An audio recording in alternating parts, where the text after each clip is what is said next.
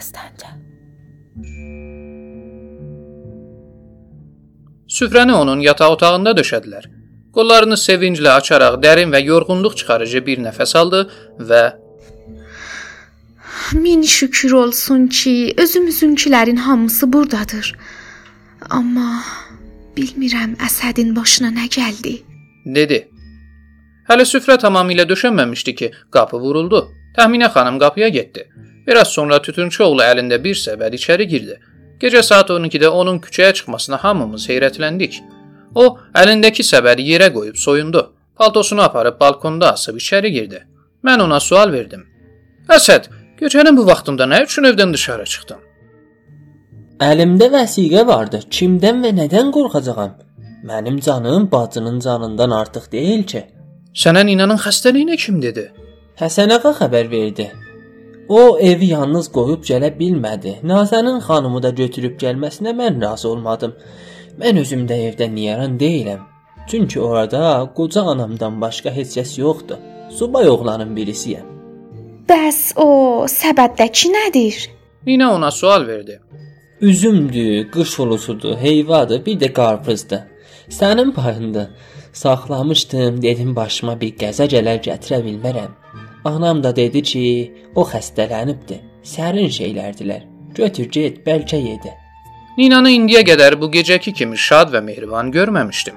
O, tütünçü oğlunu yanına çağırıb üzündən öpdü. Sağ ol qardaşım.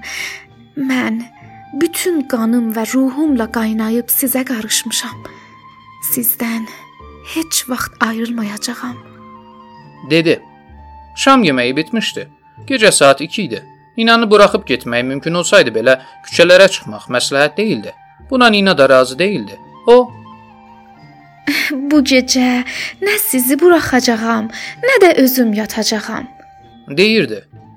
Mən indi ki biz burada qalmalıyıq. Gecəni səhər etmək üçün uzun və məşğul edici bir söhbət tapmaq lazım deyildirmi? deyə məclisə bir sual verdim. Nina Qoy Məşədi Kazım ağa öz başına gələndən və öz inqilabi fəaliyyətinin tarixindən söhbət eləsin. deyərək Məşədi Kazım ağanı çıxılmaz bir vəziyyətdə qoydu.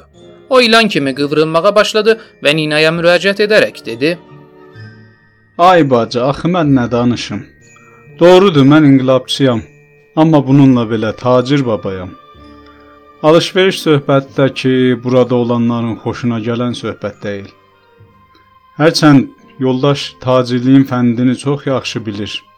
Hətta 3-4 dəfə bunun vasitəsilə Amerikalıların qulağını yaxşıca kəsdim. 5-10 şahı qazandıq, inqilaba da kömək oldu. Buna baxmayıb yenə də mənim söhbətimə güləcəklər. Nina bacı, mən ölüm mənə bənd olma, belə başına dönərəm. Nina onun yaxasından əl çəkmədi. Yenə də soruşdu. Əcəba inqilabdan danışa bilməzmisiniz? Axı niyə bilmərəm? Orda iştirak etməmişəmmi? Elə mənim də istədiyim bu deyilmi? Mən istərəm ki, sizin inqilabda nə cür iştirak etdiyinizi öyrənəm. Bundan da maraqlı bir söhbət ola bilərmi? Danışın görüm, nə cür iştirak etdiniz? Məşədi Kazım ağa Elə belə də. Deyib durdu. Əllərini bir-birinə sürtərək üzümüzə baxdı. Onun göz bəbəkləri də özünün bir məcburiyyət qarşısında durduğunu və çıxılmaz bir vəziyyətdə qaldığını ifadə edirdi. Mən Məşədi Kazım ağanı gözəlcəsinə anlayırdım. Nina onun ən qıdığı gələn yerindən yapışmışdı. Nina bir tacirin inqilaba nə məqsədlə yanaşdığını öyrənmək istəyirdi. Məşədi Kazım ağa isə öz məqsədini bildirmək və özünün iç üzünü açmaq istəmirdi. Nina ona bir sual daha verdi. Aa, yəni necə? Elə belə də. Yəni dediyim budur ki, elə belə də. İnqilabçıyıq da. İnqilabda iştirak etdinizmi? Aa, yenə də edəcəksinizmi? Edərik də, etmərik də. Və neynərik? Hamımız güldük. Çünki Məşədi Kazım ağanın iki mənalı sözündən bir şey anlaşılmadı. O özünə verilən tələbatın altından çıxmağa can atsa belə bacarmadı. Nina onu yenə də məcbur etdi. Mənim dediyim budur ki, Siz inqilabda nə cür və nə üçün iştirak etdiyiniz haqqında bizə danışasınız. Məşədi Kazım ağa gülümsəyərək dedi: İnqilab etmişik, edəcəyik də, necə də ki etməkdəyik, etdik. Amma dalda demirəm. Yoldaş Əbülhəsən bəyin üzünə deyirəm. Hətta bir gün geyinib səngərə də getdim. Yaxşı da geyinmişdim. Pişto və sair müharibə ləvazimlərimi götürmüşdüm. Amma bombanı yoldaş atan kimi mən özümü itirdim. Buna baxmayıb oturmuşdum. Yoldaş özü də buyurdu ki, "Dur get evə. Qonaqlar gələcək, hazırlıq gördür." Mən də durub çıxıb gəldim. Amma Allah şahiddir ki, mən inqilab yolunda malımdan, canımdan keçən adamam.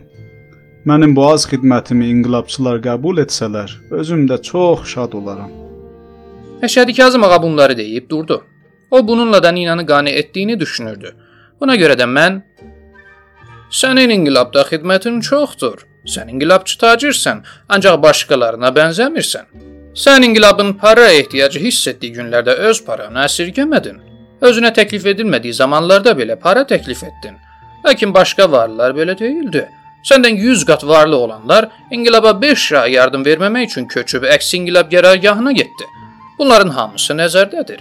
Sənin bu xidmətin doğrudan da inqilab tarixində qeyd ediləcək xidmətlərdəndir. Lakin inqilabda olan iştirakin bununla bitmiş olmur. Sən inqilabçılar sırasına cəlb edən bir səbəb vardır ki, Nina da onu öyrənmək istəyir. Dastanca. Məşədi Kazım ağanın gəlinləri Töhfə və Sənövər də onu yaxaladı. Onun sağ və solunda durub Ninanın sualına cavab verməsini təkiddən tələb edirdilər. Məşədi Kazım ağa məclisdə əksəriyyətin tələb etdiyini görərək mənə bir sual verdi. Nə buyurursunuz? Danışım ya yox, yersiz düşməz ki. Biz İranda nə kargah, nə kərxana, nə də iqtisadi bir müəssisə düzəldə bilmirik. Buna iki mənə vardır.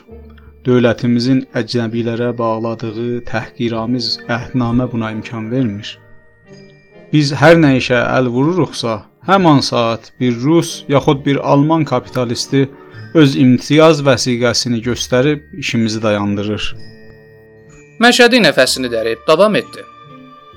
Qənd karxanası açdıq, bağladılar. Çini qab karxanası düzəltdik, qoymadılar. Müxtəsər hər nə işə əl atdıqsa, başqasının ixtiyarında olduğunu gördük.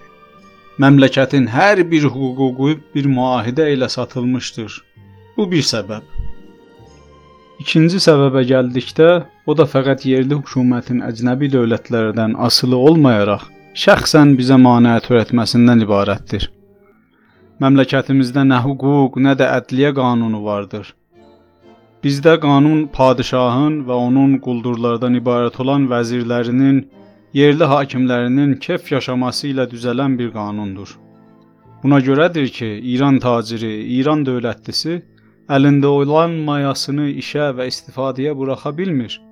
Çünki padşah və padşahın yerli nümayəndələri öz aralarında bölüşdürmək üçün nəqd pul aramaqdadırlar. Biz əcnəbilərin ağzından min cür siyasətlə qurtardığımız axırıncı qara qəpiyimizi yerli qulluqçulara, yerli hakimlərə vermək məcburiyyətindəyik. Bütün bu səbəblər bizi inqilab ətrafına toplamışdır. Biz bir tərəfdən əcnəbi nüfuzu ilə mübarizə etmək, o biri tərəfdən də şaha qarşı üsyan qaldırmağa məcburuq. Biz əlverişli bir usuli idarə yaradıncaya qədər vuruşmalıyıq. Bizə iqtisadi istiqlaliyyət verə bilən bir usuli idarə lazımdır. Belə bir usuli idarəni əldə etmək üçün başladığımız bir üsyanda qalib gəlməzsək, ikinci və üçüncü üsyanı da başlamalıyıq. Çünki bizə öz hökumətimiz və öz müstəqil iqtisadi siyasətimiz lazımdır. Deyə Məşədi sözünə ara verib davam etdi. Mənim inqilaba rəğbət bəslədiyim və onun qalib gəlməsinə çalışdığım buna görədir. Məşədi Kazım ağa inqilaba qarşı olan əlaqəsini aydın etdi. Söz yoxdur ki, bu düşüncə onun öz düşüncəsi olmayaraq ümumiyyətlə müstəmləkələrdəki kapitalistin və bir yerli burjuanın daşıdığı fikri idi. Heç şübhə yoxdur ki, Məşədi Kazım ağalar Məşədinin də dediyi kimi yalnız öz hökumətlərini quruncaya qədər inqilaba rəğbət bəsləyəcəkdir. Hər yerdə olduğu kimi milli burjuaziya öz hökumətini qurduqdan sonra silahını bir zaman silah arkadaşı olan inqilabçılara tərəf çevirəcəkdir.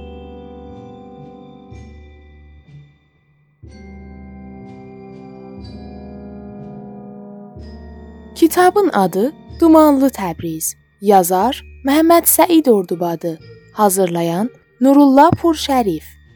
Bu bölümdə səsləndirdilər: Ravi Kamal Alqın, Nina Saray Tahiri, Tütünçüoğlu Əli Səlmanzadə, Kazım ağa Mehdi Şiri, yönetmən Saray Tahiri, düzənləyən Səccad Müslimi.